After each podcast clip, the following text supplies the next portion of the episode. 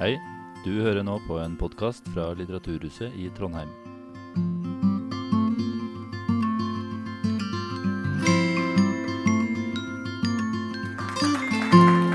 Takk skal dere ha. I våre dager, eh, og fra et demokratisk synspunkt, så er det nokså opplagt at flest mulig må få komme til orde. I dette er det en menneskelig anerkjennelse som alle fortjener. Og Det er jo også mest nytte da, i offentlig ordskifte hvis mange forskjellige erfaringer kan deles og mange meninger kan brytes. Ytringsfrihet er en betingelse for at det skal kunne skje, eh, men det er ikke nok. Det at alle etter loven kan si hva de mener, det betyr jo ikke ut, uten videre at de er i stand til å gjøre det. Og det betyr slett ikke at uh, de blir hørt hvis de skulle prøve seg, eller at de blir akseptert og at de blir tatt på alvor. Erobringen av politiske rettigheter som ytringsfrihet og stemmerett det er lite verdt hvis ikke blir fulgt opp med utvikling av hva vi kunne kalle retorisk medborgerskap, som altså viser seg i evnen til å gjøre seg gjeldende som en myndig samtalepartner og med egen stemme. I denne boka som heter 'Komme til orde', så er det dette som jeg har prøvd å undersøke, nemlig politisk kultur sett som fordeling av retorisk makt og avmakt. Hvem har ført ordet? Hvem er blitt holdt utenfor? Hvordan har noen kunnet få et sånt eh, kulturelt overtak at andre er blitt spake og tause? Eh, hva vil det si med tanke på selvrespekt og selvfølelse å ikke få kunne ha en stemme? Og framfor alt så har det dreid seg om hvordan beboerne av de stummes leir, for å låne et uttrykk fra Camilla Collett, hvordan disse folka, bøndene, arbeiderne, kvinnene, har rettet seg opp og krevd å få komme til orde ut gjennom denne perioden. Hvor høy var terskelen for dem som følte seg ubetydelige og små? Hva skulle til for å sette seg i respekt? Hvordan få selvtillit og mot på å stå fram? Embetseliten som først kom til orde, de dominerte det politiske livet nokså suverent. Og den gjorde det altså med en sånn retorisk overlegenhet som fikk andre til å føle seg små. De dannedes arroganse virket da i kombinasjon med mindreverdighetsfølelsen hos allmuen til at det frie ordet i praksis var et privilegium for de få. Og sånn måtte det være, het det den gangen, dersom altså friheten skulle åpne for sannhet og rett. Avgjørende var ikke hva de fleste mente, men hva de beste mente. Altså de mest forstandige og selvstendige, i praksis de mest velstående og best utdannede. Så hvis allmuen forholdt seg passiv og taus, så var det til egen fordel, for den kunne ikke vite sitt eget beste. Og lenge lot den seg altså innbille dette. De stolte på sine foresatte, og de tvilte på seg selv, omtrent som mindreårige overfor sine foreldre. Og de turte sjelden eller aldri å heve stemmen og si noe på egne vegne. Forsøk da på å rokke ved dette dominansforholdet det er en hovedlinje i historien som jeg har jobbet med denne boka. her. Det å mobilisere til en selvstendig bondepolitikk det var å gjøre et første framstøt. Men dette var ikke mulig uten tilsvarende framstøt på andre hold. Haugianere og deres vekkelse de hevdet da at vanlige mennesker hadde rett til å forkynne Guds ord. På linje med prestene, gjerne i opposisjon til prestene også. På den måten ble ærefrykten for autoritetene svekket, og troen på egne evner ble styrket. Kampen for landsmålet skulle sette småfolk i stand til å uttrykke seg med et språk de behersket, og uten å skamme seg. Så I slike og i en del andre former da, så kom det på plass noen førpolitiske forutsetninger for seinere folkelig opposisjonspolitikk. I alle tilfeller så dreide det seg om å overbevise vanlige mennesker om at de hadde noe de skulle sagt, de også. Den Historien som er framstilt i denne boka, den begynner altså i 1814. Da fikk selveiende bønder stemmerett. Men de fikk ikke dermed uten videre kapasitet til å gjøre seg gjeldende i det politiske ordskiftet. Og I fortsettelsen så dreier det seg fra den siden sett, da, det dreier seg om å opparbeide retorisk handlekraft. kunne vi si. I dag heter det 'empowerment' eller egenkraftmobilisering. eller noe sånt. Denne historien kulminerer altså i 1884, da embetsregimet endelig ble nedkjempet. Og i samme historiske stund så kom nye politiske konfliktlinjer til syne. Norsk kvinnesaksforening ble stiftet nå i 1884 og så Kvinnestemmerettsforeningen i 1885. Slutten på den historien jeg forteller her, den er også på en måte da opptakten til nye slike historier. Kvinnene, som til nå ideelt sett i alle fall, hadde tørt eh, til i privatlivet, de begynte mot slutten av det 19. århundre å reise krav om deltakelse i politikk og annen offentlig virksomhet.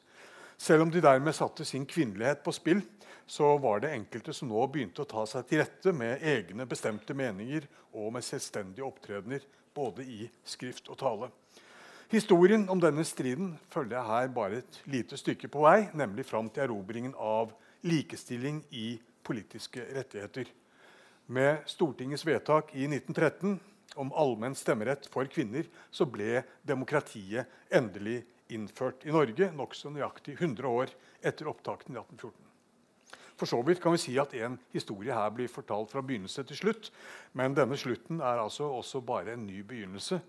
Det at kvinner fikk stemmerett, det betyr jo ikke at de dermed fikk kapasitet til å gjøre seg politisk gjeldende med egen stemme.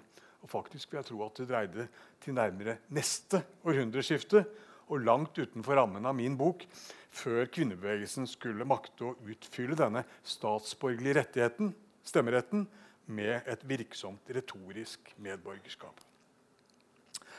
I hver periode i denne historien så gjaldt det egne standarder for veltalenhet. Det som en gang hadde gjort susen, det ble falt håpløst igjennom på et seinere tidspunkt. Og Derfor er det en hel del spørsmål som stadig må stilles på ny. Hvilke honnørord gjaldt å bruke? Hva var det som virket bevegende? Hva var det som virket begeistrende? Hva kunne gå for å være sant og naturlig? Hva var det som ga moralsk troverdighet? Kort sagt, hva var det som skulle til for å gjøre inntrykk?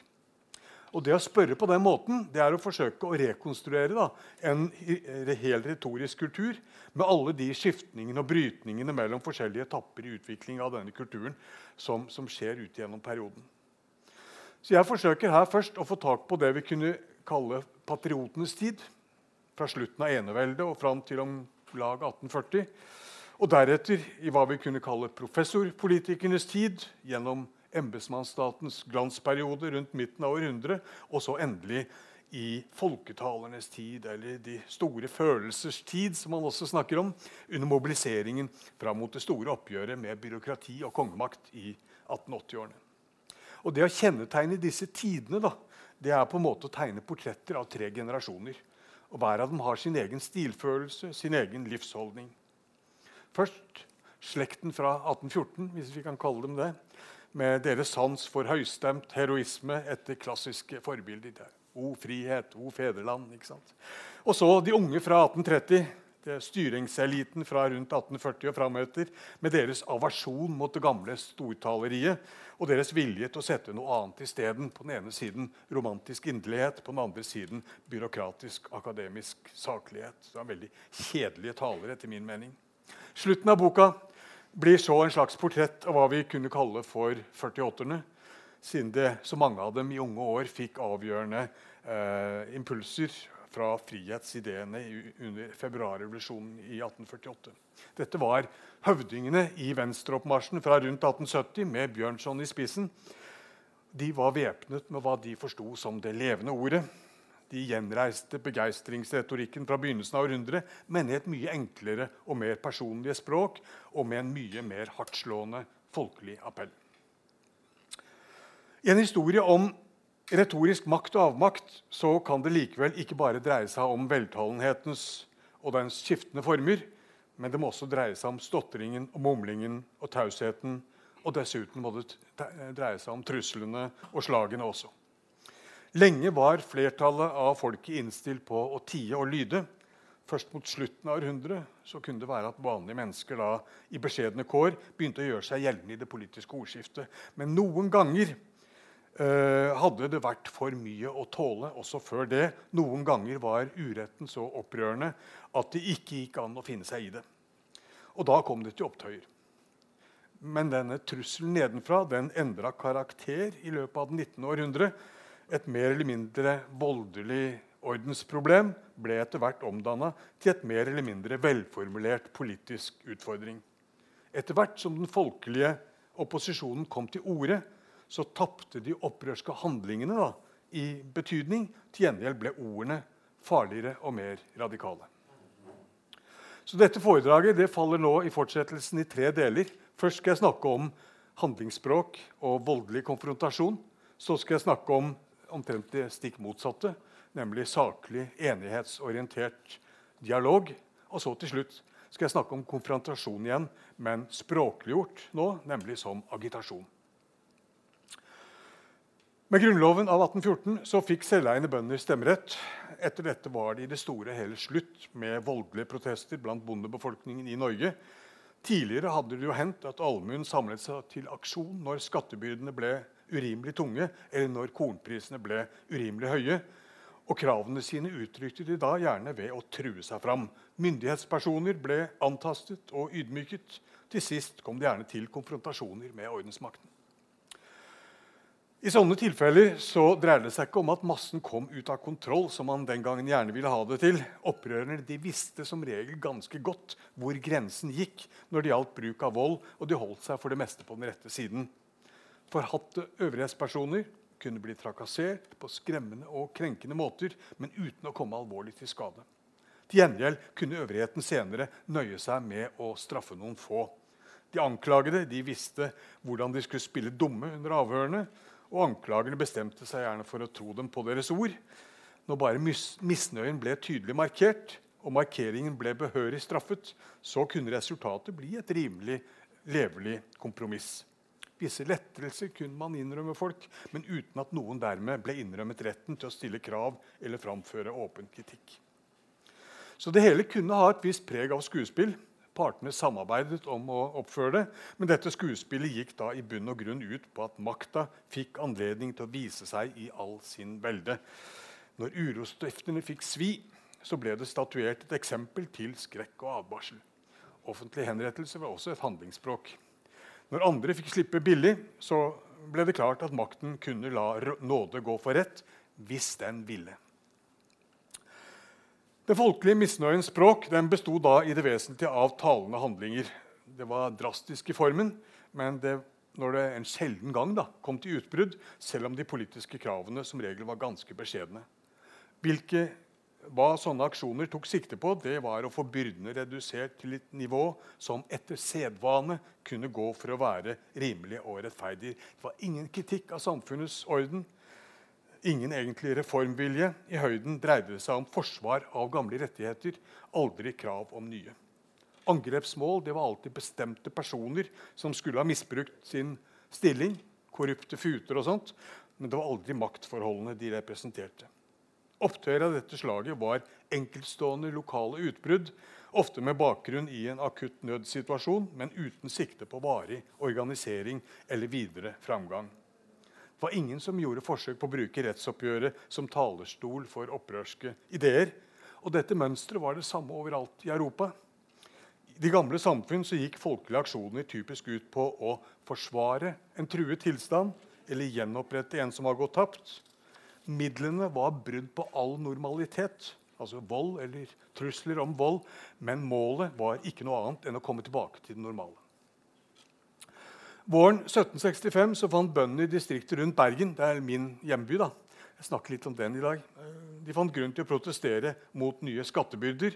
og Da dro de til byen og trengte seg inn hos stiftsamtmannen og provoserte ham med beskyldninger helt til han mistet besinnelsen og trakk sin korde.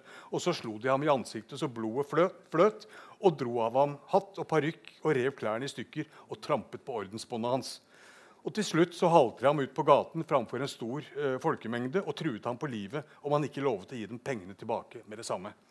Og Så fikk de tak i Futen, de dyttet og sparket ham og truet med å hive ham utfor bryggekanten og dro ham gjennom gatene uten hatt og parykk og med sønderrevne klær heter det i kildene, og sperret ham inne i hans eget hjem og tvang ham til å sette i gang med utbetalingen av skattepengene. Dette er strilekrigen. Da Statens undersøkelseskommisjon kom til byen med to krigsskip og fem kompanier soldater, så ble bøndene nødt til å gi fra seg alt de hadde vunnet. Tre mann ble pekt ut som anførere, og de ble dømt til tvangsarbeid på livstid. For øvrig var kommisjonen mild og overbærende overfor en allmue som ikke kunne sies å være voksen nok til å ta ansvar for egne handlinger. Men myndighetene hadde forstått at den nye ekstraskatten var for tung å bære. Så ble det gitt unntak for særlig vanskelig stilte, og til slutt ble hele ordningen avviklet. Selv om øvrigheten fikk demonstrert hvem det var som satt med makten og retten, så hadde aksjonen altså gjort nytte for seg, iallfall et stykke på vei. Voldshandlingen var eneste virksomme ytringsform. Den var dramatisk, om ikke veldig skadelig. Men innholdsmessig gikk kritikken aldri ut over anklager mot lokale embetsmenn som kunne mistenkes for i egen vinnings hensikt å ha forfusket den gode kongens hensikter. Grunnlovens politiske frihet skulle gjøre det mulig å erstatte handling med ord. Etter hvert som disse mulighetene ble tatt i bruk, ved at bygdeeliten lærte å gjøre seg gjeldende i offentlig ordskifte, så kunne folkelig misnøye komme til uttrykk på fredelig vis. I Bergen var det såkalte tumultuariske opptrinn i sommeren 1814 antakelig siste gang bøndene i distriktet gikk til voldelig aksjon. I landssammenheng var det kanskje bondetogene mot Kristiania i 1818 den tilsvarende siste gang. Istedenfor brå og sporadiske vekslinger mellom underdanig lydighet og fysisk aggresjon så kom nå en mye mer åpen, mer regulær kritikk, som så å si var bygd inn i det politiske systemet. Og Da fikk opposisjonen en ny grad av kontinuitet. Det ble altså mulig å knytte an til skriftkulturens intellektuelle ressurser og til den såkalte høyere politikk. Og På den måten så oppsto det betingelser for en ganske avgjørende utvidelse av det politiske forestillingsrommet. Mye videre utsyn og mer grunnleggende prinsipielle overveielser. Fysiske håndgripeligheter kan være en reaksjon på en tyngende her og nå-situasjon, men ideer som blir bygd ut i skrift, kan rekke langt inn i alternative framtidige tilstander. Så I samme vending som motstanden ble pasifisert, så økte mulighetene for ideologisk radikalisering. Etter at bondeopposisjonen slo gjennom ved stortingsvalget i 1833, så kunne den ikke lenger oppfattes som et ordensproblem. Til gjengjeld ble den fra nå av en mye farligere politisk utfordring i form av en stadig tydeligere reformativ kraft. Samme slags vending fra handlingsspråk til verbalspråk og fra reaksjon til reform den skulle arbeidermotstanden komme til å gjennomgå 50 år seinere. Før den moderne arbeiderbevegelsen ble til, med organiserte faglige og politiske kampmidler, så var opptøyer med slåsskamper og hærverk nær sagt den eneste mulige måten å gjøre seg tydelig forstått på. I Bergens historie er potetkrigen i 1868 det første utbrudd av misnøye som byens egen allmuebefolkning sto bak. Eh, før hadde håndverkere og tjenestefolk vært tilskuere når bøndene aksjonerte, men denne gangen var de selv i føringen. Og så fikk de også forsterkninger fra skipsverftene og de mekaniske verkstedene i forstedene. I Bergen var dette kanskje siste gang også at trusselen nedenfra tok form av klassiske matopptøyer. Det var siste gang militære styrker ble satt inn mot sivilbefolkningen. Verken før eller siden har det gått så hardt for seg som den gangen.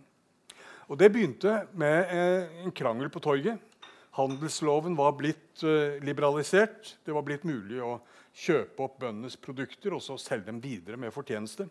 Og Dermed ble poteter og andre livsnødvendige varer fordyret.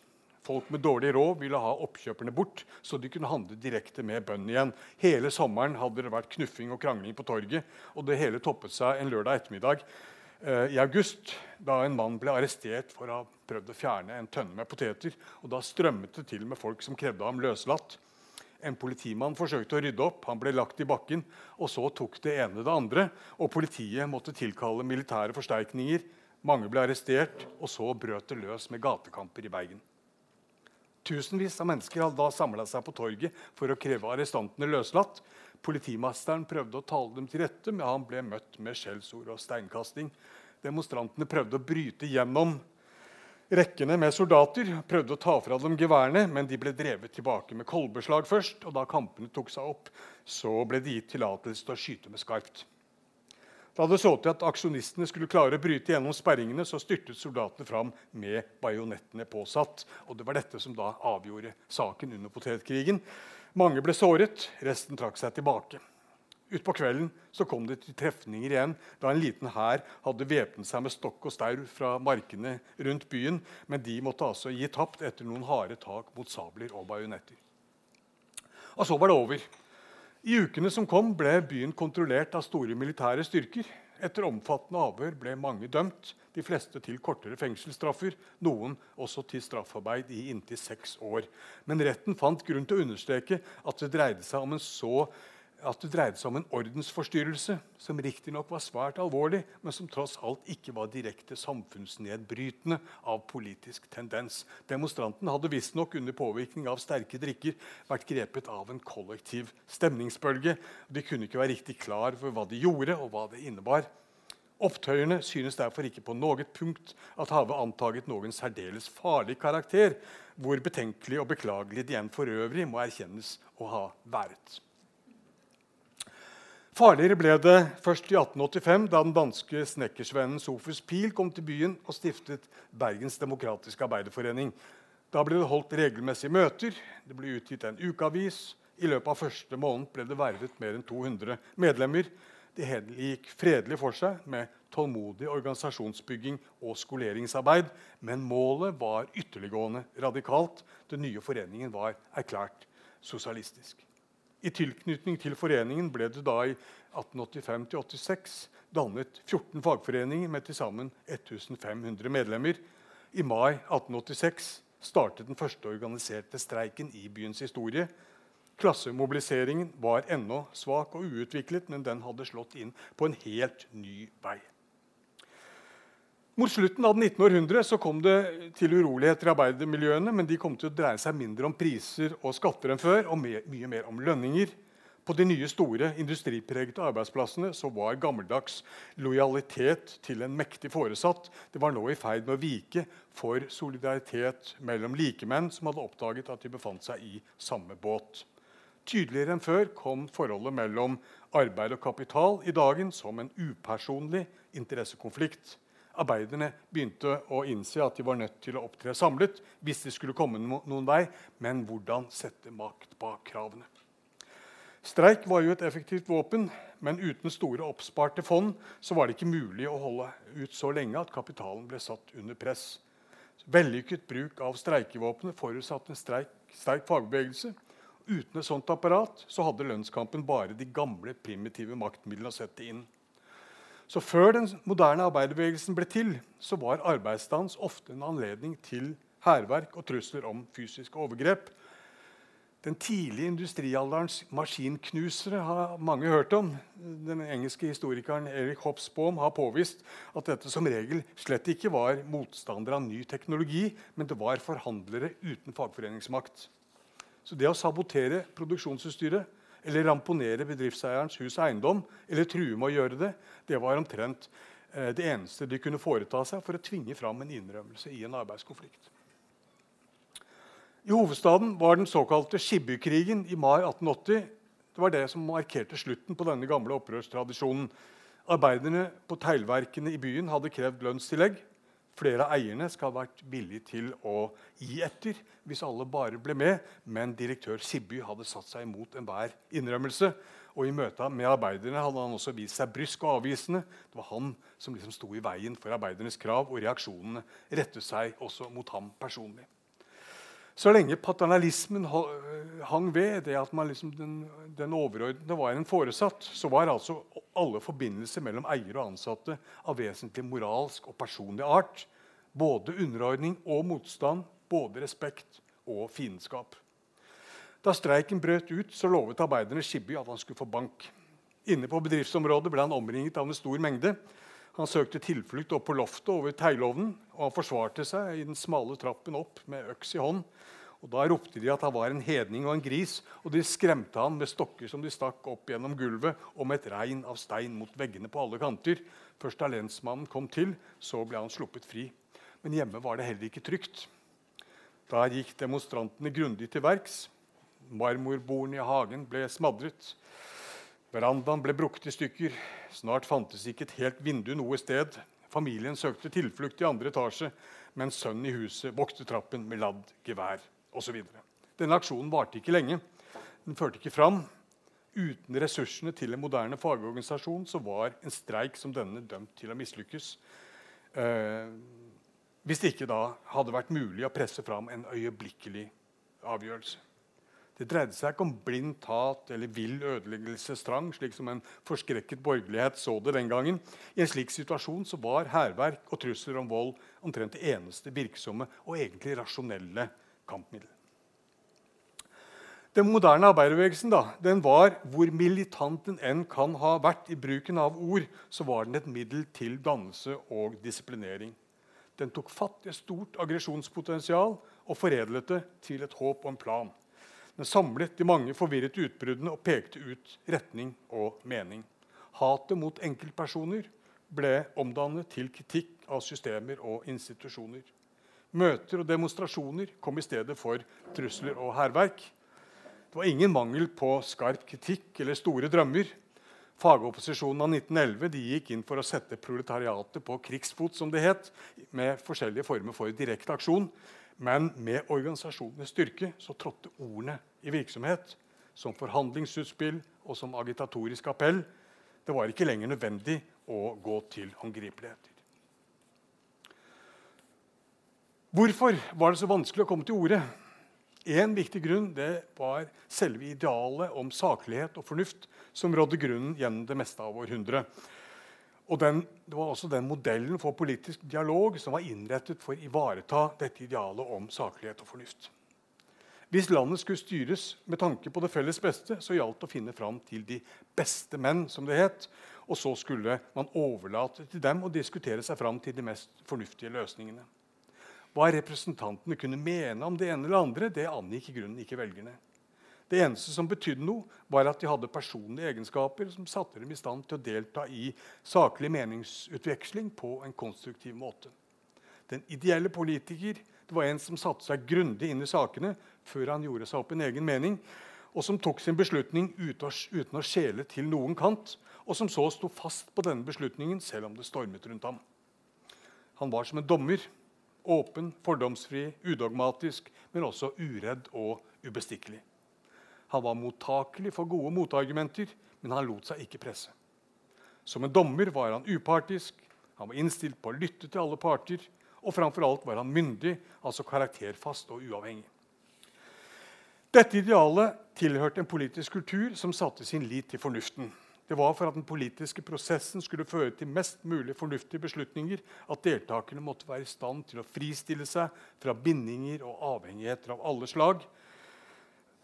Hvis alle var innstilt på å lytte til hverandre, det gikk man i fall ut fra, og hvis ingen låste seg i utgangspunktet, men sto fritt til å bedømme argumentene på selvstendig og rent fornuftig grunnlag, og hvis ingen var ute etter å mele sin egen kake, men bare etter å finne den beste løsning eh, for alle, ja, da ville man til sist kunne komme fram til enighet ved at de beste argumentene seiret. Man rådslo, man veide for og imot, og lot, så lot man det mest forstandige få rett. Ideelt sett.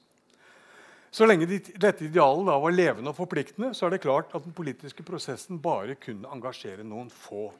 Borgerne var ikke uten videre kvalifisert til å delta. Adgang til offentlig ordskifte var i praksis reservert for embetseliten og en del velstående eiendomsmenn.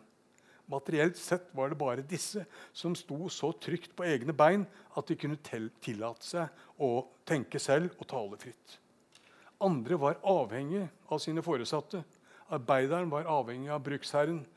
Husmannen var avhengig av bonden, tjeneren var avhengig av herskapet, kona var avhengig av sin ektemann på en sånn måte at de ikke kunne forventes å gjøre seg opp en egen mening.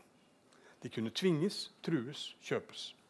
Og i alle fall kunne man ikke regne med at de skulle risikere særlig mye ved å si imot og stå på sitt.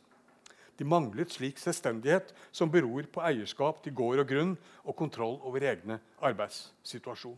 Derfor kunne man ikke ta dem på alvor når de sa noe, og derfor kunne de ikke regnes som politisk myndige. Sånn sto det for riksforsamlingen i 1814. Allmenn stemmerett kom selvfølgelig ikke på tale.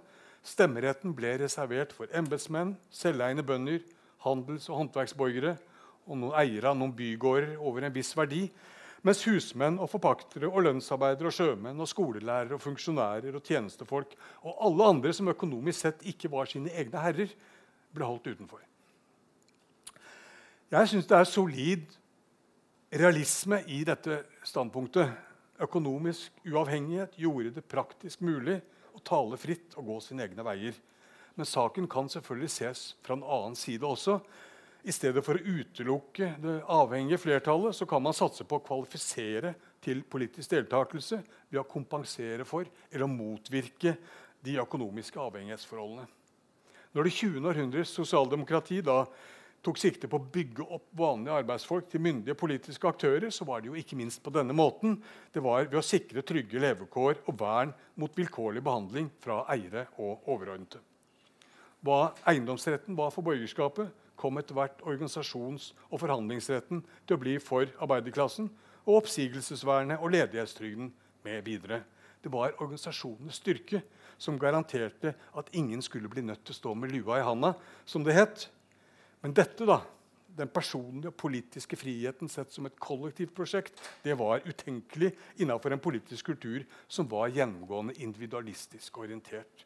Slagord av typen 'samhold gjør sterk' det kunne ikke gi mye mening for den som ennå trodde at enhver er sin egen lykkes smed. som det het. Så Hvis arbeidsfolk i vår egen tid da, kan sies å ha fått andel i den politiske friheten, ikke bare formelt, men også reelt, på den måten at de ikke trenger å være redd for å mene noe annet enn sjefen, så er det fordi de vet at de ifølge avtaleverket ikke kan bli oppsagt uten videre, og fordi de vet at de har statlige trygde- og pensjonsrettigheter å falle tilbake på. Kampen mot deregulering av arbeidslivet og for fast ansettelse og ordnede arbeidsforhold, eller for fagorganisering og kollektive avtaler, mot utleiebyråer og individuell lønnsfastsettelse Alt dette er i dag også en kamp for, politisk, for myndige menneskers kår da, eh, og en kamp for politisk frihet. Men den slags var ikke begripelig den gang. Altså, I liberalismens glansperiode i det 19. århundre så lå det langt utafor rekkevidde for den politiske fantasien i omtrent alle leire. Sosiologisk realisme i oppfatningen av det frie ords betingelser kunne den gangen nesten bare tenkes å peke mot en eller annen autoritær begrensning. Det store flertallet av eiendomsløse, avhengige og umyndige måtte nettopp av hensyn til den universelle fornuft og det felles beste de måtte holdes utenfor. Da den første arbeiderbevegelsen ble dratt i gang i årene rundt 1850 med Traneria, så ble dette ganske klart for enhver. Vanlige arbeidsfolk var ikke legitime deltakere i det offentlige ordskiftet. Ikke bare var deres krav om stemmerett helt uberettiget, de var heller ikke egentlig meningsberettiget. Husmenn og lønnsarbeidere ble regna som del av det private husholdet til gårds- og brukseieren og hadde fremdeles i realiteten ingen større rett til å legge seg opp i offentlig ordskifte enn eierens kone og mindreårige barn. Så når de prøvde å komme til orde, så var det nødvendig å slå hardt til. Eh, hele ledersjiktet ble pågrepet og dømt til lange fengselsstraffer. Retten kunne ikke anklage dem for å ha forbrutt seg eh, eller for å foreta seg noe bestemt eh, ulovlig. De klarte ikke å finne fram til noen paragraf som de skulle ha forbrutt seg mot. Ifølge rettsprotokollene som ble kjent mange år senere, så ble de dømt for det hele forhold, som det heter, eller for sin virksomhet i det hele. De første arbeiderforeningene var et forsøk på å få den beskjedne allmuen opp å stå som politisk subjekt. Er det noe galt med lydanlegget? Ja. Mer enn noe annet så dreide det seg om å lære seg til å handle med ord. Det ble utgitt avis, det ble arrangert diskusjonsmøter og underskriftskampanjer. Det ble holdt kurs i skrive- og taleteknikk, det ble stifta sangkor og teatergrupper. Det var dette man ikke kunne ha noe av. Altså Voldelig pøbel det kunne politiet håndtere, eventuelt med bistand da, fra militære myndigheter. Men skolerte og taleføre arbeidere var en trussel mot selve den bestående orden. Dette er de menn som ingen stemme har, sa forsvareren under forhandlingene i Høyesterett. De har skrevet, de har talt, presis som vi andre, og det er dette man nå vil dømme dem for. Meningsmonopolet da, til de velstående den grunnet seg på en politisk moral som framfor alt bekymret seg om individets integritet. Til, til, til, Stortinget så sendte man da ikke representanter for programmer eller ideologier, men man sendte aktverdige og forstandige enkeltpersoner. Og For at de skulle kunne gå inn i debatten med åpent sinn, så var det en helt avgjørende betingelse at de ikke hadde konkludert på forhånd gjennom avtaler med partifeller eller med løfter til velgerfolket. En virkelig myndig mann kunne umulig finne seg i å stille med bundet mandat. For å kunne bidra til meningsbrytning med sikte på enighet så måtte man jo være fri til å endre oppfatning. Skulle det være håp om gjennomslag for de beste argumentene, så måtte man være parat til å bøye seg for sin motstander og gi ham rett. Dette idealet gjorde det nesten helt umulig å organisere en politisk opposisjon. Den som tilhørte et parti, er jo ikke fri til å fatte selvstendige beslutninger. Partiorganisering var aldeles uhørt. Selve ideen var skandaløs. Hver gang noe slikt kom på tale, så ble det spetakkel, og initiativtakerne trakk seg forskremt tilbake. Morgenbladet slo fast at det ikke sømmet seg for landets kårne menn å la seg drive som en saueflokk frem i tingsalen. Å bøye seg for partiets flertall og se seg nødt til å stemme mot sin egen overbevisning, det var en skam, selvfølgelig. Men hovedproblemet var at man på denne måten kom på Stortinget med ferdig oppgjorte meninger. De som lar seg binde til en forut oppstilt program, skrev Morgenbladene, de har jo i realiteten gått sammen om å komme Stortinget i forkjøpet. Et slikt program går nødvendigvis ut på at avslutte og tillukke hva der ennå bør holdes åpent, altså på at gjøre drøftelsen umulig eller avmektig. Kan man da si at det politiske livet i Norge noen gang levde opp til dette idealet om rådslagning blant landets beste menn? Tja, Fram til partidannelsen i 1880-årene kan vi si at det kanskje var slik et stykke på vei. Historikeren Francis Sejersted har vist til en, det han kaller en relativt åpen meningsdannelse som bidro til å redusere politikkens preg av maktkamp. Det var diskusjon mellom enkeltpersoner mer enn tautrekking mellom interessegrupper. hevder Sejersted. Denne diskusjonen utmerker seg ofte ved sitt åpne og fritt resonnerende preg. Vel, hvis, dialog, hvis diskusjonen kunne ha mer preg av dialog enn kamp ofte, så var det altså ikke minst fordi det politiske miljøet var så lite og så enhetlig. Deltakerne kom fra stort samme klasse og miljø. De hadde stort sett de samme interesser i de fleste spørsmål. Derfor kunne debatten arte seg som rådslagning mange ganger. Eh, Talene i Stortinget kunne bety noe der og da. De kunne overbevise motstandere, de kunne flytte stemmer. Helt forskjellig fra dagens stortingsdebatter, selvfølgelig, som aldri får noen til å skifte mening. Og Sånn kunne det være så lenge forsamlingen bare representerte noen få, og så lenge disse få bare representerte seg selv og ikke partiet. Men dette betyr jo ikke at debattene bestandig var så fornuftige at de gjorde noe. Tilliten til de beste menn den hadde noen konsekvenser som måtte virke til dels direkte mot sin hensikt. Jo mer hver enkelt aktør kunne sies å være selvstendig og fri, desto mer måtte politikken syne seg å dreie seg om ham personlig. Så lenge han verken representerte et parti eller var forpliktet til noe program, så var han fri til å bruke sitt eget hode og følge sin egen samvittighet. Og nå var det hans intelligens og hans moral som det kom an på. Var han da så hederlig som man kunne forvente? Var han så ubestikkelig, så samvittighetsfull, så ansvarlig osv.? Det er klart at Når den fremste politiske ressursen var sånne personlige egenskaper, så måtte politisk kritikk nødvendigvis bli til personkritikk i stort omfang. Kravet om personlig myndighet, som altså skulle være en betingelse for fornuft, det kom til å fungere som opphav til massiv usaklighet, altså ufornuft. Debattklimaet ble forgiftet av personlige beskyldninger og bakvaskelser i en sånn grad at det stiller kommentarfeltene i dagens nettaviser fullstendig i skyggen. For så var det ikke til å unngå at en taler med bred folkelig appell enten Trane eller Bjørnson eller Sverdrup eller hvem som helst, ville bli beskyldt for å være en samvittighetsløs demagog som rett og slett benyttet seg av massens uvitenhet bare for å kare til seg makt og penger. Til det fast innarbeidede fiendebildet så hørte det da en sånn demonisering av den folkelige politiker som nettopp var grunnleggende uhederlig, korrupt, maktsyk, tyrannisk osv. Og bedre ble det jo ikke av at mange deltakerne i debatten valgte å holde sin identitet skjult. Dermed var det i grunnen fritt fram for en hvilken som helst sjofelhet. Retten til anonymitet ble regnet som en viktig demokratisk rettighet. Eh, Visstnok var den beskyttet av Grunnloven. Riktignok står det ikke noe der om akkurat dette, men de lovkyndige de fant ut at bestemmelsen om trykkefrihet ikke kunne tolkes på noen annen måte. For at borgerne skulle våge å stå fram med kritikk, så måtte de kjenne seg trygge for at de ikke risikerte straff eller andre ubehageligheter. Og tryggest var det selvfølgelig å ikke gi seg til kjenne. Og På den måten ville jo også innleggene bli vurdert etter styrken i argumentasjonen uten hensyn til hvem som hadde ført dem i pennen. En strengt fornuftig samtale forutsetter at deltakerne opptrer på like fot som meningsberettigede borgere og ingenting annet.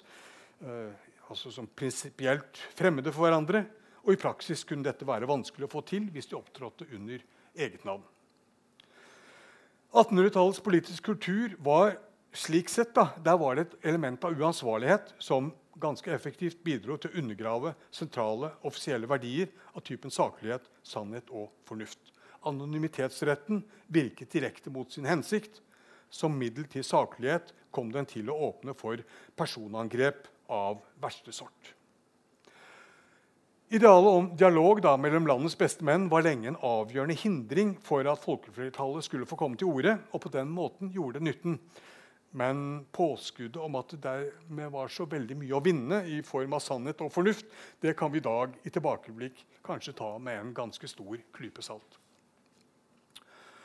I løpet av det 19. århundre ble én modell for politisk kommunikasjon skiftet ut med en annen. Rådslagning mellom pragmatiske enkeltpersoner ble erstatta med konfrontasjon mellom partier som hadde prinsipielt forskjellige programmer. Men dommerfunksjonen ble ikke annullert med dette. For en tredje part, som lenge hadde stått helt utenfor selve debattsituasjonen, den rykka nå inn som en overordnet avgjørende instans. I den nye modellen var folket vitne til striden. Med utviklingen av folkemøtene og med at avisene ble til et massemedium, så åpnet det seg nå en ny arena hvor det politiske livet kom til syne for andre enn den lille, eksklusive krets eh, inne på Stortinget. Et publikum av helt ordinære mennesker var her til stede for å høre begge parter og så gi den ene rett framfor den andre gjennom stemmegivning ved valgene.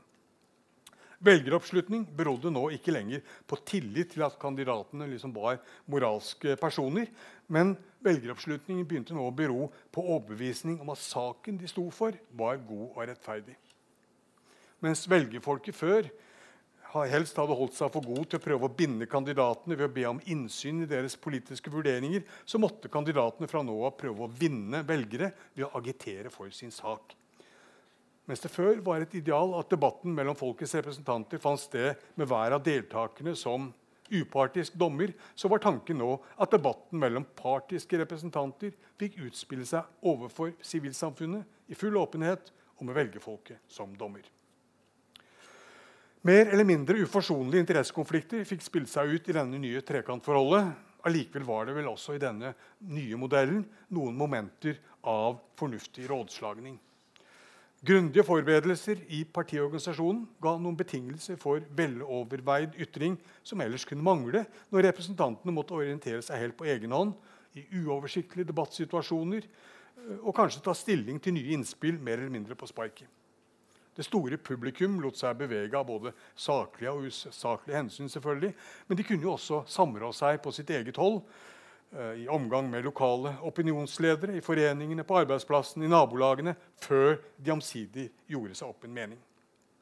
Så ordskiftet tok ikke åpen form av rådslagning. Det er nok så.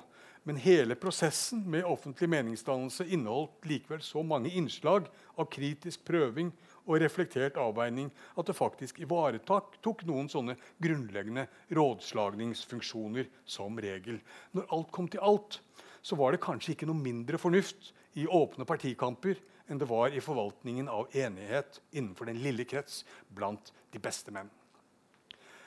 Men for den som fremdeles tenkte politisk kommunikasjon gjennom den gamle modellen, så var dette alt annet enn opplagt. selvfølgelig. Fra dette synspunktet, fra konservativt synspunkt så ville enhver tendens til svekking av den gjensidig forpliktende dialogen til fordel for kampscener framfor et publikum det måtte oppfattes som et skremmende forfall. Skiftet av modell for politisk kommunikasjon var en treg, konfliktfylt prosess. Den dro ut i mer enn 30 år, og i disse årene sto det strid om nær sagt hvert eneste element i modellen. Ikke bare om taleren og hans uavhengighet, eller om partigruppen med dens ferdiglagde meninger, men det sto også strid om henvendelsens form, som enten konfronterende eller enighetsorientert.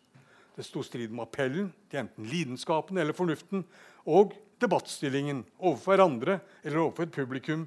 Og endelig sto det også strid om mottakerne, som enten som uavhengige likemenn eller som uansvarlig mengde eller masse.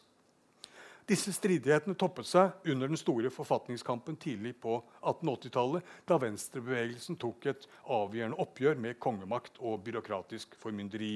Denne kampen var voldsom, den var bitter og uforsonlig. Forholdet mellom partene var preget av mistillit og fiendskap. Det var en farlig krise etter hvert, men den gled over. Våpnene ble klargjort, men de ble ikke brukt. Kongen og hans rådgivere planla statskupp. Venstrebevegelsen opprettet skytterlag. Det var i realiteten en slags parlamentsmilits. Situasjonen var altså spent, stemningen var nervøs. Begge parter besinnet seg i siste liten. Ingen gjorde noe overilt. Hva var det da som bar gjennom denne krisen? Den politiske og kulturelle striden den virket gjennom årene til å forandre offentligheten der den fant sted.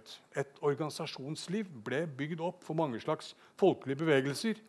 Bondevennforeninger, arbeidersamfunn, mållag og misjonsforeninger, frilynt ungdomslag, avholds- og opplysningsforbund. Og dette organisasjonsliv var også en skole i demokrati. Her gjaldt i det store og hele samme prinsipper som i statslivet seinere. Medlemmene styrte seg selv.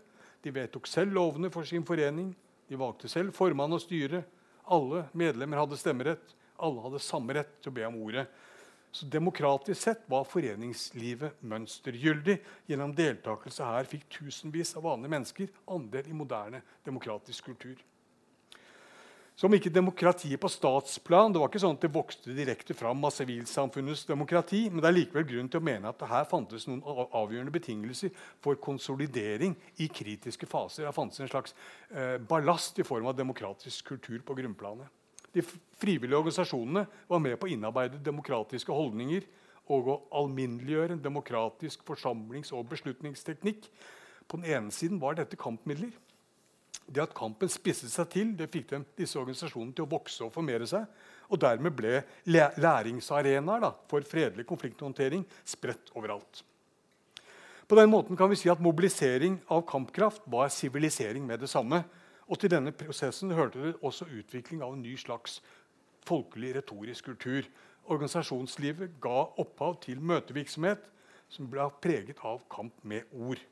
For vanlige mennesker ga de oppdragelse til bruk av ordet i offentlig sammenheng. De som før var blitt holdt utenfor, vant en selvtillit her. De utviklet språklige ferdigheter som satte dem i stand til å opptre med egen stemme. Her fikk de prøve seg. Når opposisjonsbevegelsen splittet og polariserte det politiske livet, så virket de altså samtidig til å styrke sivilsamfunnet og den allmenne retoriske kulturen. Og dette tror jeg er én viktig grunn til at det hele kunne gå for seg i rimelig fredelige former. Slik ble det skapt betingelser for at konfliktstoffet kunne tas ut i verbal aggresjon og ikke voldelig. I ettertid kan vi undre oss over at uh, samfunnet ikke ble revet i stykker. Med tiden og tvers gjennom de skarpe motsetningene så synes det faktisk snarere å ha kommet til å henge bedre i hop. Hvordan kan dette ha seg? Kan verbale slåsskamper bidra til å styrke sammenhengskraften i samfunnet? Kan krigen med ord virke samlende? Halvdan Koht så det slik. Han tolket norgeshistorien som et samvirke mellom splittende og integrerende krefter. I bitter klassekamp er nasjonen skritt for skritt bygd ut og tømret sammen. Bøndene vant seg en plass i fellesskapet gjennom langvarig kamp mot embetsstanden, mye på samme måte som arbeiderne og deres kamp mot borgerskapet senere skulle bli veien fram til innlemming i den politiske nasjonen. Når en undertrykt klasse har samlet seg til strid for sine interesser, skrev Haftan Koht i 1928, så har dermed et nytt lag av folket kommet inn i det nasjonale livet. Dvs. Si, nasjonen har viet seg ut. Konflikten mellom klassene, som på dramatisk vis har delt nasjonen, virket altså i det lange løp til å hele den. I oppgjøret med embetsmannsstaten kan vi legge merke til at det ikke var deliberasjonen som overvant splittelsen, men det var agitasjonen. Den var ikke direkte innretta på enighet. tvert imot, Men i det lange løp var det likevel en slags grunnleggende enighet den munnet ut i. Idealet om rådslagning blant uh, landets beste menn uh, de hadde bare latt seg praktisere så lenge som det store flertallet ble holdt utenfor. Og det var da med en helt annen kampretorikk at opposisjonen nå klarte å slå seg fram og åpne et rom for bred folkelig deltakelse. En liten, eksklusiv embetskaste ble tvunget til å dele makten med langt flere, som dermed ble sluppet inn. Forutsetningen om at noen få og spesielt kvalifiserte da, burde få styre på vegne av alle andre, hadde tidligere skapt noen farlige avstander mellom døve og stumme. Egentlig samfunnsoppløsende var vel dette formynderiet til eliten kanskje mye mer enn demagogenes såkalte oppvikling av massen. Å bli holdt utenfor var å bli stående som en fremmed overfor de politiske institusjonene. Å bli behandlet som umyndig ga grunn til å kjenne seg krenket. Det kunne hopet seg opp med forbitrelse til det endte med forferdelse. Men opposisjonen visste å sette følelser i kok ved hjelp av en skarpere og mer konfronterende tale for å vinne styrke, også i form av det større antallet, så ikke bare de bedre argumenters tyngde, og så slå seg inn. Åpen retorisk aggresjon var ikke en fare for samfunnets fred, så det ut til, men det var kanskje eneste rimelig fredelig middel til anerkjennelse og inklusjon. Med 1880-årenes konfrontasjoner så ble grensene om den politiske offentligheten, dens lille, trange rom, de grensene ble sprengt ut. Politikken inntok nye arenaer, nådde ut til nye grupper, utvikla nye former. Folkemøtene var den nye inkluderende arenaen der uforsonlige parter nå kom sammen for å bekjempe hverandre. Det gjaldt ikke lenger å resonnere med en motpart som man kunne komme til enighet med, men det gjaldt å vinne tilslutning for å smadre motstanderen. Og da måtte man kunne rive med seg store folkemengder. Det krevde et nytt og mer hardtslående språk. Bjørnson var ekspert på dette. Enkelt, emosjonelt, med korte, muntlige setninger, gjerne konsentrert om et slående bilde og med gjentakelse av noen få minneverdige begivenheter. Folkemøtene var mobiliseringstiltak for politisk aksjon. og Samtidig var de og helt uatskillelig fra dette, så var de både skole i samfunnslære og veltalenhet, og de var et populært underholdningstilbud. Disse møtene virket opplysende, tross alt, og de virket samlende. Olaus Arvesen som selv opptrådte for Venstre på mange av disse møtene, han har i sine erindringer omtalt disse møtene som en skole i folket av mye større betydning enn alle andre skoler til sammen. Selv om det kunne gå hardt for seg og skape mye uvennskap, sier han, så var det klart at disse oppgjørene framkalte interesse for spørsmål som kunne angå enhver, og dermed også en følelse av medansvar for disse spørsmål. Nettopp ved å engasjere seg i striden så var det at hver og en, både høy og lav, kunne føle seg som meddelaktig i saker som det sto strid om, idet det for dem alle sammen var det felles fedrelands ve og vel som syntes stå på spill. Over tid skulle disse verbale gladiatorkampene gi et bidrag av største betydning sier Arvesen, til produksjonen av sosial samfølelse. Det er altså knapt noe i folkets liv og historie som har maktet sterkere å innarbeide begrepet felles fedreland i alle sinn enn disse møtene med opprivende sammenstøt om saker av felles interesse. For gjennom dem ble bitre motstandere brakt sammen til en strid som de alle kunne oppleve som sin egen. Forekomsten av åpen konflikt kan tas som, rett og slett som et mål på stabiliteten i de sosiale forbindelsene. Det hevder sosiologen Georg Simmel i 1908. En viss mengde uoverensstemmelse, indre spenning, åpen kontrovers er organisk forbundet med selve de elementer som i siste omgang holder gruppen samlet. Hvis den ikke stadig hadde vært truet av kiv og strid, så ville enheten ikke vært mulig. Kjernen i Simmels tankegang det er omtrent denne at ved å gå løs på hverandre så involverer man seg fra solgt. Kanskje har partene før ikke hatt noe med hverandre å gjøre. Nå blir det opprettet en forbindelse. Det kan være at de lærer å avsky hverandre, men dermed er de ikke lenger likegyldige for hverandre. Og Hvis de skjeller hverandre ut, så har de iallfall kontakt. Konflikten bringer dem sammen, og når de utkjemper denne konflikten, så utvider og så intensiverer de sin deltakelse i samfunnets liv. Hva slags samfunn er det da som henger best sammen? Det er de som er fulle av forskjeller, avstander, motsetninger. Sosiologen Louis Kosu han utvikla senere dette poenget i forlengelsen av Simmels tanker. og Han sier det slik at åpne, pluralistiske samfunn de blir sydd sammen av en lang rette, rekke forskjelligartede konflikter mellom grupper der medlemmene bare kjenner seg delvis berørt. Jo flere konflikter, desto bedre. For ikke bare virker de integrerende, i og for seg, men de balanserer hverandre også hvis de bare er tilstrekkelig mange og forskjellige. Gjensidig avhengighet mellom fiendtligsinte grupper, skrev Coser. Og utviklingen av et konfliktnettverk på kryss og tvers av det hele det virker til å sy samfunnet i hop ved at konfliktene altså utligner hverandre. Omtrent sånn var det statsministeren eh, Stein Rokkan forsto det grunnleggende stabiliteten i norsk politisk liv, selv i de mest opprivende kampsituasjonene. De kulturelle motsetningene mellom by og land, sånn som språk, religion og moral, og sånt, hadde lagt seg på tvers av de økonomiske klassemotsetningene mellom arbeid og kapital. Og denne veven hadde gitt opphav til skiftende allianser og opposisjonsmønstre. Systemet ble ikke revet i stykker mellom to ytterpunkter, skrev Rokkan, men det bevarte likevekten ved at et stort antall konfliktlinjer krysset hverandre. De konservatives dialogmodell det var en harmonimodell. Den forutsatte at enhver grunnleggende motsetning mellom dem og oss kunne fjernes fra det politiske livet. Dette var bare mulig ved at de andre, altså mengden, allmuen, pøbelen, eller hva man kalte dem, at de ble holdt utenfor, om nødvendig med voldelige midler, som i tilfellet med Trane. Venstres konfrontasjonsmodell innebar at de andre trengte seg på, slik at motsetningen måtte spille seg ut i retoriske former. De fant seg ikke i å tie stille lenger. Det gikk ikke an å overse dem. Forholdet mellom dem og oss var ikke lenger en grense mellom innside og utside av det politiske fellesskapet, men det var en konfliktlinje som nå gikk tvers gjennom det indre av dette fellesskapet. I en krisesituasjon så kan en slik indre konflikt kanskje tilspisses til en antagonistisk kamp mellom venn og fiende, men i det lange løp så er det utsikter til at den går seg til som en agonistisk ikke antagonistisk, men agonistisk motsetning, hvis vi skal bruke begrepene til den eh, belgiske statsviteren Chantal Mouffe. Og hun snakker da om en motsetning som nå kan foredles til en motsetning mellom parter som oppfatter hverandre som vennlige fiender.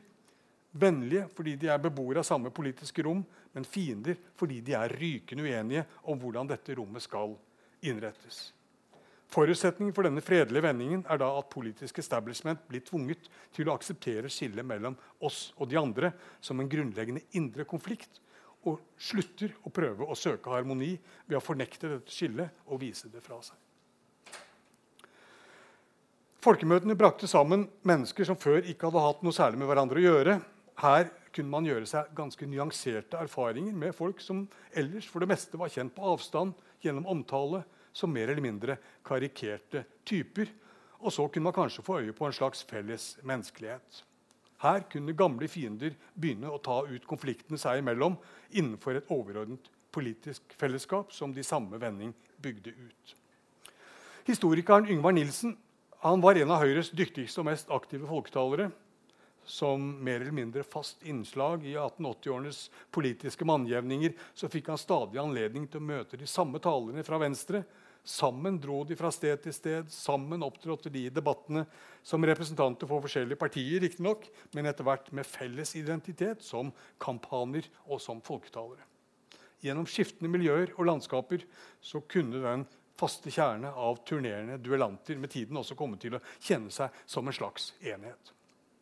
I dagboksnotatene til Yngvar Nilsen er det mange små glimt av den slags paradoksale prosesser en gang skulle han av sted med dampskip til en liten by ved kysten for å strides med Erik Bullum fra Venstre. Nilsen var professor ved universitetet, han var kongens venn og fortrolige. Mens Bullum var en forsoffen journalist og skribent og posør og dranker av rang. Her var to menn fra hver sin planet, og de var sammen på reise. Og de var ført sammen av selve det dype uoverensstemmelsen som satte dem opp mot hverandre. Som reisefølge skulle de så lære hverandre å kjenne på nye måter. På denne reisen så ble det dårlig vær. Eh, jeg ble forferdelig sjøsyk, skriver Nilsen, men Bullum tok seg av meg. Det var første gang jeg merket at det mellom oss folketalere kunne bestå en virkelig korpsånd. Uten partihensyn, og jeg har aldri glemt den vennlighet som her ble meg vist av min motstander.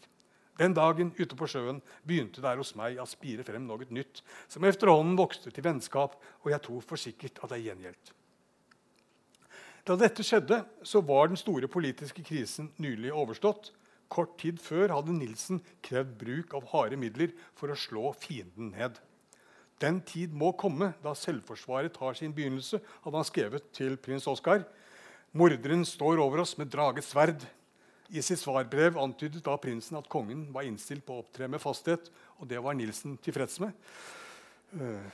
Handles der, så må det være kort, bestemt og overraskende. skrev han tilbake. Ingen måtte tro at dette kom til å gå fredelig for seg. Garnisonen i hovedstaden var kanskje ikke fullt pålitelig. Kavaleriet skal være best, men mon ikke sjøguttene er de aller påliteligste, liksom hele flåten. Til den setter jeg mitt håp, skrev Nilsen da. Sånn var stemningen rett før det gamle regimet falt sammen. Blant de farlige folk så var Vullum en av de aller farligste.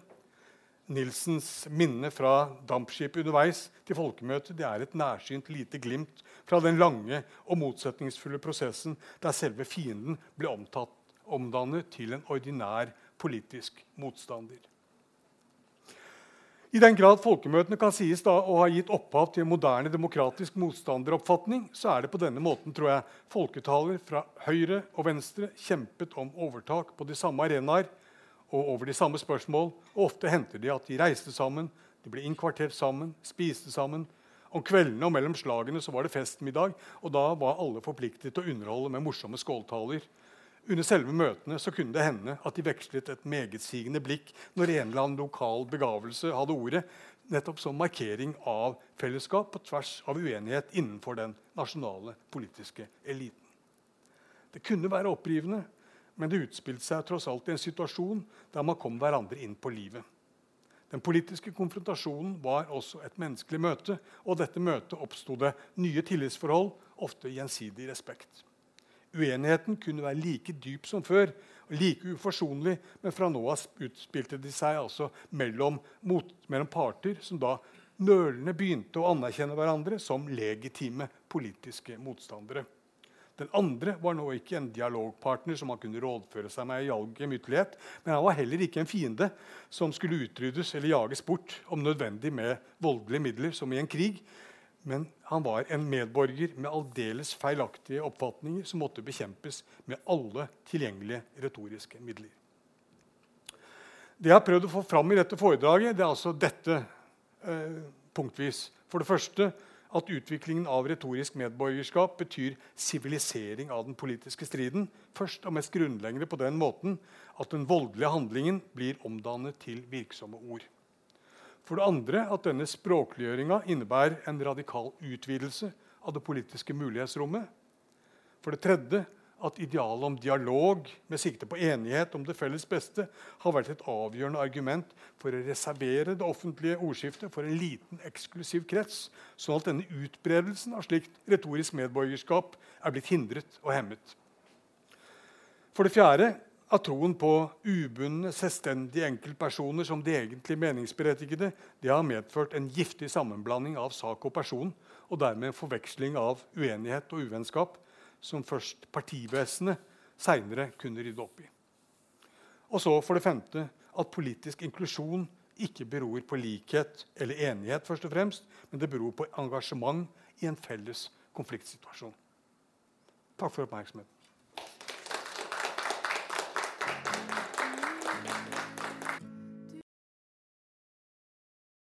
Ja, Vær så god. Ja, det var en, eh, det var en veldig, veldig sann eh, oppgradering av eh, historien igjen. Vi har, var inne på historietimene, men det, da, det var mesteparten glemt. på den tida. Men det var en leidmann som sa at hvis vi, ikke, hvis vi glemmer historien, så blir vi dømt av den. Og det viser seg Nå føler jeg at vi er mer tilbake til, til 1800-tallet der hvor eh, at eh, slekta mi bl.a. var med på Eidsvoll i 1814. Det var to fra Trøndelag, og ene var slekta mi. Ja. Og eh, dem, der står det vel 'all makt i denne sal'. Mm. Det, ja, det kom seinere. Det kom senere, Det kom i 84. Aha, det kom ja, i samme... Det bygger på maktfordelingen. vet du. Ja. ja, Riktig. Det var ikke meninga. Altså, nei. Nei, nei. Men så var det noen som misbrukte makta si. Mm. Og lot makta korrumpere, og da blir det sånn tilstander. Og, eh, men eh, nå føler jeg tilbake. Nå har jeg hatt fred så lenge siden 1945. Eh, for lenge. Og da er det alltid noen som prøver seg på å, å la makta korrumpere igjen, så ikke folket skal ha noe skulle si. Dermed så ser vi at paragraf slår i hjel nye paragrafer slår i gamle. Det er en ufravikelig faktum som han sier Hambro sa det var det at denne paragraf 100, den 105, denne ytringsfrihetsparagrafen, den skulle være total uansett hvilken forvirring som, som måtte finne sted mellom en persons ører. Jeg husker ikke helt feil. Og, eh, men det skal vi ikke ha noe av i dag. Da, vil vi innføre en ny paragraf 185. som, som, som høres bra på papiret, men blir fullstendig misbrukt i rettsapparatet ved å kneble eh, og straffe de som eh, ytrer seg om, mot politisk korrekthet. Så politisk korrekthet det ordet ikke, blir ikke brukt den gangen, men, men meningen er det samme. At hvis vi ypper oss mot det, så må vi ta, få svi. Og nå har de fått hele rettsapparatet på sin side. og da, Den som behersker lov og rett, makta der, den, den behersker også makta mot folket. Så, er det noen som er enig i at vi er på mange måter tilbake dit i vår digitale hverdag med digitale verktøyene som er. Utstengelse av jobb, utstengelse av for at alle all, uh, fått med seg hvilken uh, ståsted du har. Hvis du ytrer deg feil, så får du ikke noe jobb. I hvert fall ikke i offentlig sektor. Og så Spesielt den paragraf 185, som er et veldig viktig verktøy for å kanalisere makta på færrest mulig hender igjen. Føler du at vi, at vi er å samme fella som eh, vi ikke lært noe av historien for 100 år tilbake? Ja, jeg vet ikke hvordan jeg skal kommentere dette. Altså, det, er, det, er, veldig vanskelig å trekke paralleller mellom den gang og nå. Eh, I dag er det sånn på en måte at uh, alle kan komme til ordet helt uendret, helt direkte. Det finnes ikke en redaktør som sitter imellom og sensurerer eh, det som kommer ut. Det finnes ikke en ordstyrer som klubber deg ned på et møte. Du kan legge det ut på nettet. Uh, sånn, På en måte kommer alle til orde. Og det er ikke sikkert det er noen udelt uh, framskritt i det. Men en stor forskjell fra den gangen og nå er at den gangen så kom man til orde gjennom et organisasjonsliv. Man lært, ble lært opp i debattkultur osv. På, på møter. Uh, det fantes en ordstyrer som holdt orden på at det foregikk i sømmelige former. Uh, man, måtte, man, kunne skrive i foreningens blad internt eller eksternt, men nettopp gjennom med en ansvarlig redaktør.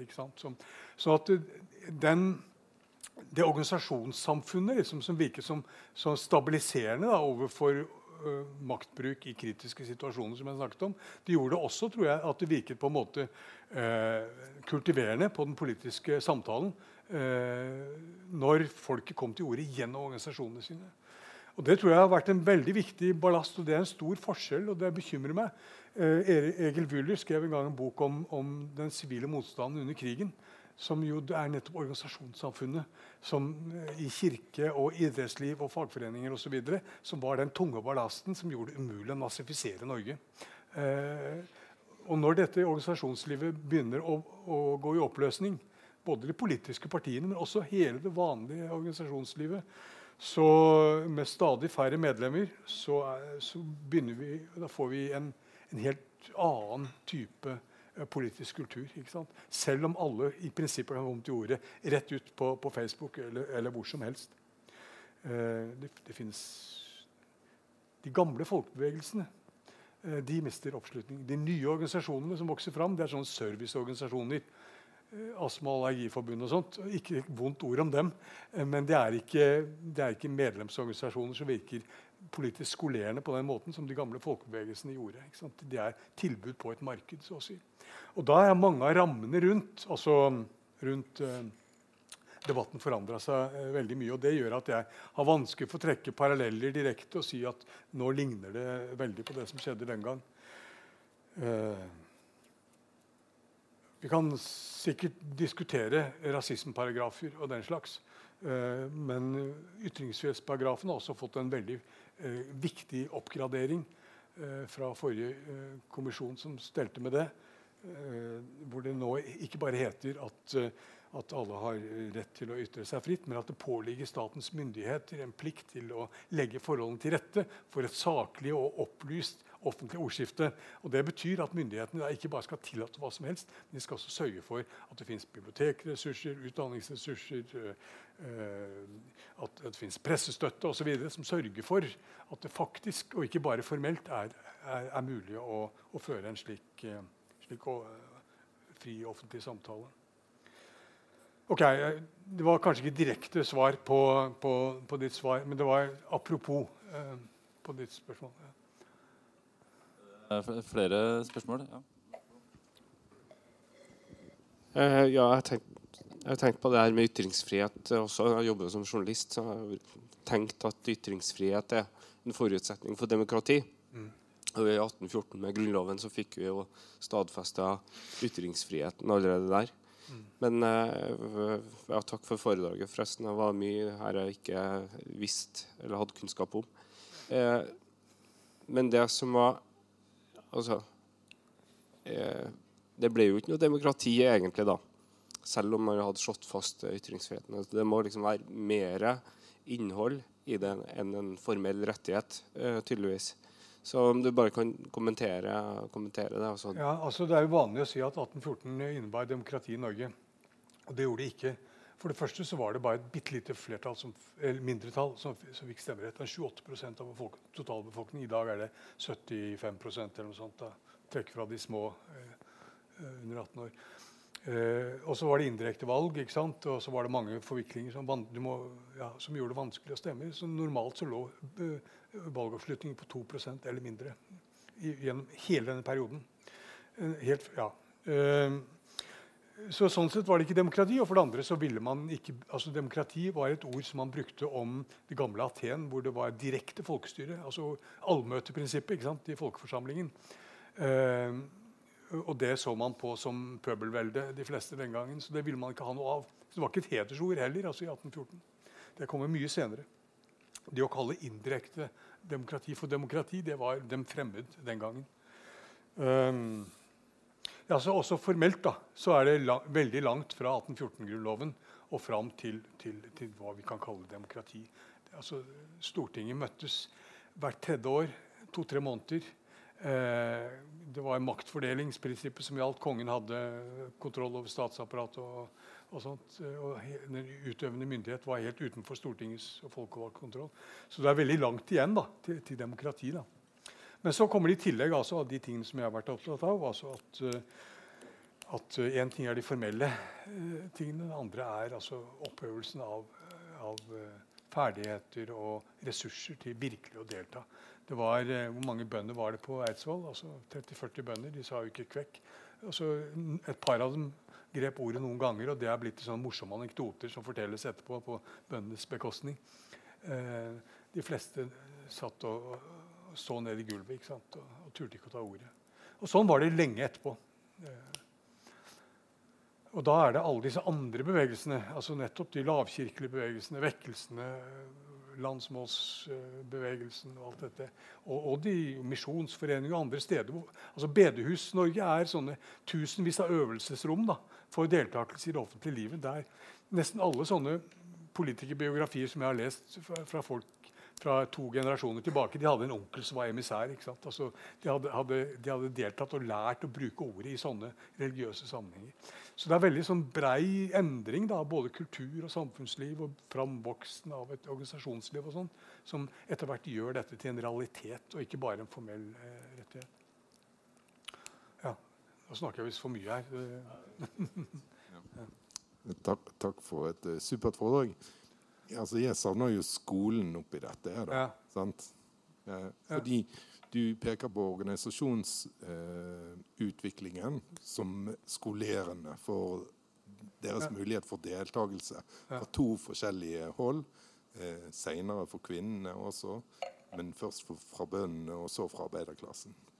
Og Så lurer jeg på om ok, har skolen spilt noen rolle? Det er det ene. I Eh, oppøving i eh, deltakelse i det offentlige ordskiftet. Det er det ene jeg spør om. Mm. Det andre er OK, du fortalte en morsom liten historie om hvordan to personer med tilhørighet to forskjellige steder i den politiske striden fram mot parlamentarismen i 84 eh, og, Kunne du ha sagt noe mer om det? Altså, hvordan, altså, Var det noen avgjørende taler for at den ene siden faktisk eh, fikk gjennomslag for at eh, vi skulle få parlamentarisme som mm. eh, Eller var eh, poetokratene viktige, eller var de ikke det? Jeg ser jo at du berører det i boken, mm. men det ligger i tiden fram til 1880.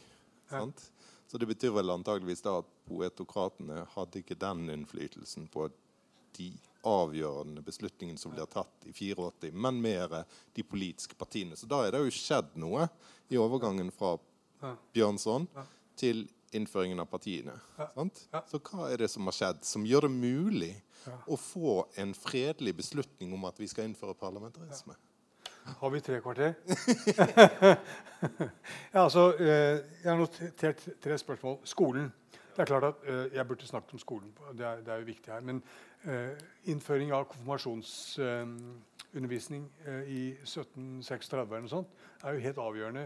For da må hele befolkningen lære å lese fordi de skal lese Pontoppidans eh, forklaring. ikke sant? Og, og, de skal lære seg salmevers, og sånn, sånn at de kan bli konfirmert eh, rettmessig. Da lærer så mange mennesker å lese sånn noenlunde at de kan trene seg opp hvis de er litt motivert, til å følge med.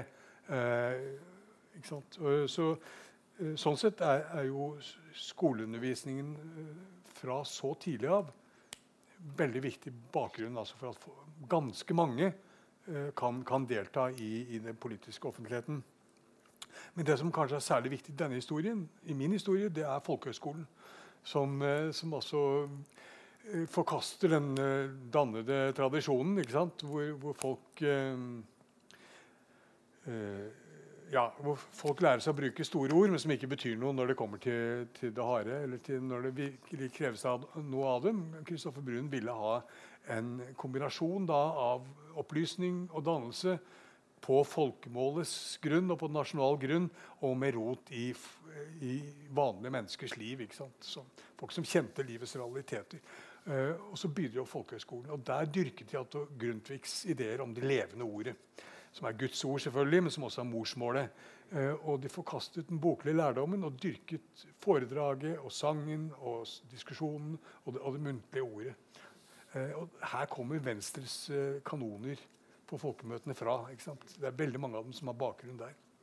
Og er, altså, Der skolerer de virkelig eh, noen generasjoner. Det var det første om skolen. når det gjelder 1884 um, det er mange viktige taler i den tiden. Bjørnson på Stiklestad i 1882 for eksempel, om selvstendighetens æresfølelse er en klassiker. Kanskje den største gjennom alle tider. men, men men noe av det viktige å tenke på der er at disse folkene som kommer med det levende ordet, eh, som, som, eh, som, snakker enkelt og begeistret om de høye spørsmål, som de sa, eh, de behersker også de store forsamlingene utendørs. 5000 mennesker til stede, ingen mikrofon. Uh, da, da, snakker Bjørnson og Sverdrup og Berner og Vullum og Ullmann og sånt til sånne forsamlinger. Og, og, de gamle konservative professorpolitikerne som er vant til å, å snakke snirklete og omstendelig i et sånt uh, sånn skriftlig, uh, kanselliaktig språk for å virke veldig saklige og sånt, og akademiske, de faller helt igjennom. Altså, så det, her er det plutselig oppstått en ny offentlighetssammenheng som krever en ny slags egenskaper. Uh, og som favoriserer veldig klart den ene siden. Og disse gamle høyremennene de kan ikke bevege seg til å liksom, fri til massen. Det ligger under deres verdighet. De klarer ikke å lære seg disse nye ferdighetene. Kanskje, kanskje i Yngvar Nilsen og et par til, men de var totalt underlegne. Og det, det er en av grunnene til at, uh, at Venstre slår så sterkt igjennom i 1880-årene. tror jeg, At de er retorisk helt overlegne.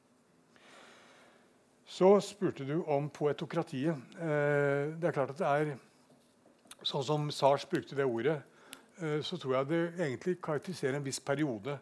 Og det er etter at politikken ikke lenger er en sak for landets beste menn, enkeltvis, men er blitt en sak for breie bevegelser. Venstre har preg av å være en folkebevegelse med mange fløyer som går i en, en brei allianse, liksom, men er ennå ikke blitt et parti. Og I en sånn situasjon så er det lojalitet til partiets frontskikkelser og dyrkelse av dem som, som personer, som inkarnasjoner liksom, av, av, bevegelsen, som kommer istedenfor partiprogrammer, vedtekter, eh, formelle beslutningsprosesser på landsmøter og sånne ting som ennå ikke finnes. Men det er, liksom, det er, det er dyrking av Bjørnson og Sverdrup eh, som er eh, Og veldig sterk sånn eh, heroisering da, om, om, nesten mytologisering av disse disse førerskikkelsene, eller høvdingene, som de snakket om, som er limet i disse bevegelsene fram til partistiftelsene. Så når partiene ble stiftet i 1884, så er liksom den fasen over da, da dyrkingen av eh, politiske høvdinger som Sverdrup eller, eller, dikterhøvdinger som Bjørnson hadde sin store tid. liksom. Seinere prøvde fedrelandslaget å dyrke opp Nansen på samme måten, men det var i et mer sånn fascistisk eh, Eh, versjon i 30-årene, men det er en helt annen situasjon, og det fungerer på en helt annen måte. Men Poetokratiet har sin tid, tror jeg. midt imellom her. Og, og det har sin tid uh, i en tid hvor du ennå ikke har skilt veldig klart mellom litteratur og vitenskap og politikk og journalistikk. og alle disse tingene går, går i ett. Og det er de samme personene som skriver i avisene, og som er aktive på folkemøtene, og som skriver dikt og, og fedrelandssanger og romaner og skuespill og sånt. Og det er, eh, du har ikke fått skilt disse, disse, tingene institusjonelt fra hverandre, og da kan denne typen skikkelser eh, ennå spille en rolle. Da. Som de aldri siden har gjort. Aldri før heller. Altså, Bergland var ikke en sånn en. Ja. Øh, Hei. Uh, takk for veldig fint, uh, veldig godt uh, foredrag. Um, jeg er veldig interessert i denne her skjelnen mellom de som Jeg vet ikke om det var helt det du kalte det, men det er sånn tradisjonelle former for opprør. og så det som blir sånn mer sånn sivilisert, moderne politikk, måte å handle på. jeg er dansk historiker. Og min fornemmelse er at uh, i alle fall i dansk historie da har man hatt sånn veldig skarp skjelnen og mye av sånn populær deltakelse i politikk, uh, eller det som vi kaller politikk, uh, i en lang periode faller liksom imellom to stoler. Så historikerne vet ikke riktig hvordan vi skal oppfatte det. Fordi det er egentlig ikke helt sånn tradisjonell, men det er heller ikke riktig politikk. Uh, er det din fornemmelse at det liksom sker litt det samme her, eller kan du kan du gi litt flere eksempler på hvordan uh, kommer det til uttrykk at man liksom beveger seg for sånn tradisjonell uh, Vi uh, opp, møter opp hos den lokale skatteoppkrever og banker han til sånn mer sånn artikulert deltakelse. Det, og, og finnes det ikke fortsatt også sånn elementer av det tradisjonelle når vi så kommer opp og får liksom mer organisert politisk bevegelse? Eller forsvinner de tradisjonelle elementene helt? Um, sånn, jeg vet ikke om det er et uh. Det er vanskelig, veldig vanskelig spørsmål. Men altså, så langt som jeg har studert det, så virker det som et veldig sånn uh, skarpt uh, skille. altså i, i 1818 når bøndene strømmer ned gjennom Hallingdalen mot Kristiania for å protestere mot den økonomiske politikken og, og, og, mot det der forferdelige Stortinget og sånne ting, så, de, eh, så, så blir de stoppa med soldater på Krokskogen. Og det, etter det vet ikke jeg om sånne bondeopprør i Norge. Etter at fagforeninger ble stifta i 1880-årene, så vet jeg ikke om flere sånne. Altså Slaget på Kampen med barrikader og bajonetter og alt mulig, og Skibbykrigen, som jeg nevnte, det er i rundt 1880 de siste tilfellene av den type arbeideroppstand i Norge. Eh, mellomkrigstiden var jo de var, de, var, de var, store i kjeften, da. ikke sant? Men det var, men det var ingen som krummet et hår på noens hode. på en måte. Eh, så det er jeg burde kjent dette mer i detalj, men uh, ja, her har jeg bare skissert de store trekk. Og jeg er ikke i stand til å gjøre det mer nå. for dette. Mm. spørsmål? Ja?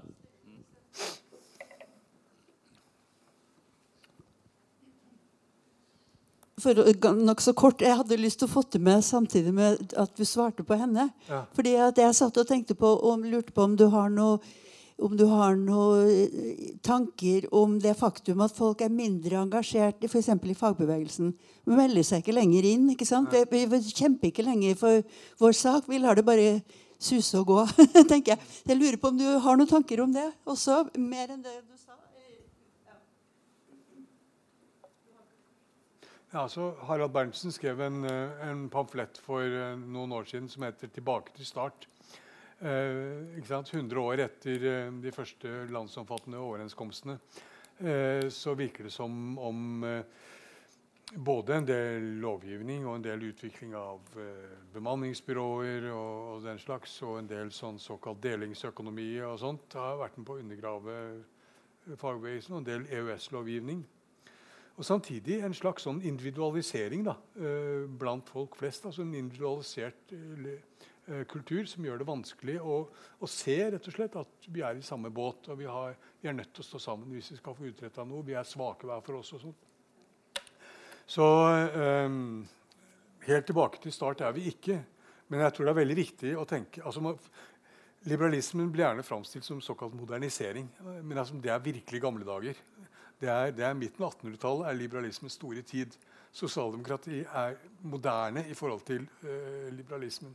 Men etter 1980 så har de klart å skryte på seg at, at det dreier seg om modernisering da, hvis man bygger ned disse kollektive ordningene. Men uh, ja, jeg vet ikke om jeg har så veldig mye mer å, å si om det. Men jeg har lyst til å Apropos politisk korrekthet. Um, I denne boka så er jeg personlig på ett sted, og det er når jeg forteller om den gangen jeg var med på å kuppe eh, medlemsmøte, eller åpne møte til KSA, altså Komiteen for Sydøst-Asia, som holdt med amerikanere i Vietnam. Da var jeg medlem av SUF, og vi unge gymnasiaster vi kom i flertall der og fikk vedtatt resolusjoner mot disse eh, arrangørenes eh, vilje og fikk publisert dem i pressen og sånn. Og så og så stormet vi visningen av eh, Green Berets og forstyrret kinoen. kinoen og sånt. Da var vi på en måte politisk korrekte på den måten at vi nektet andre eh, å komme til orde politisk. Og, og, I min historie her så, så, ser jeg på dette som en, noe som skjer blant veldig unge mennesker. Helt aller ytterst i marginale, marginale miljøer. Fremdeles er det slik, tror jeg, at det der med sånn å nekte no platforming og sånt er forholdsvis marginalt uh, i Norge. På 1880-tallet så var det de samfunnets støtter som opptrådte på den måten. Altså Når venstremøter ble avbrutt og, og, Erik Vullum ble jaget på dør i Drammen ikke sant? Uh, og Ordføreren sto fram og triumferende og sa at dette er ånden i Drammen. Det ble et sånt slagord mange, mange år etterpå. det, ånden i Drammen. Eh, og når de kastet stein mot hotellvinduene hans når han søkte tilflukt der altså, det, det, er ikke noe enestående, men altså de virkelig de, de sentrale, tungt, tungtveiende kretsene i det politiske livet deltok i den slags. Alle har hørt om teaterslagsmålene ikke sant? med Wergeland og Welhaven, og men der var jo nettopp de folka som snart skulle bli statsministre og, og stortingspresidenter, også til stede og deltok. Så, så dette var en del av dette var på et tidspunkt da motstanderen var en fiende som måtte uh, også bekjempes med like voldelige midler. I 1906, slutten av 60-årene, da jeg uh, vokste opp, så var vi veldig uh, marginale. selv i mellomkrigstiden skjedde den slags veldig sjeldent. I dag er det fremdeles en, en, liten trussel at, tror jeg, at noen faktisk blir tvunget til å holde kjeft. altså. Det er iallfall blitt en atskillig mindre trussel enn det var i 1880-årene. Hvor det var eh, ja, håndgripeligheter nokså regelmessig. Så takk nok en gang.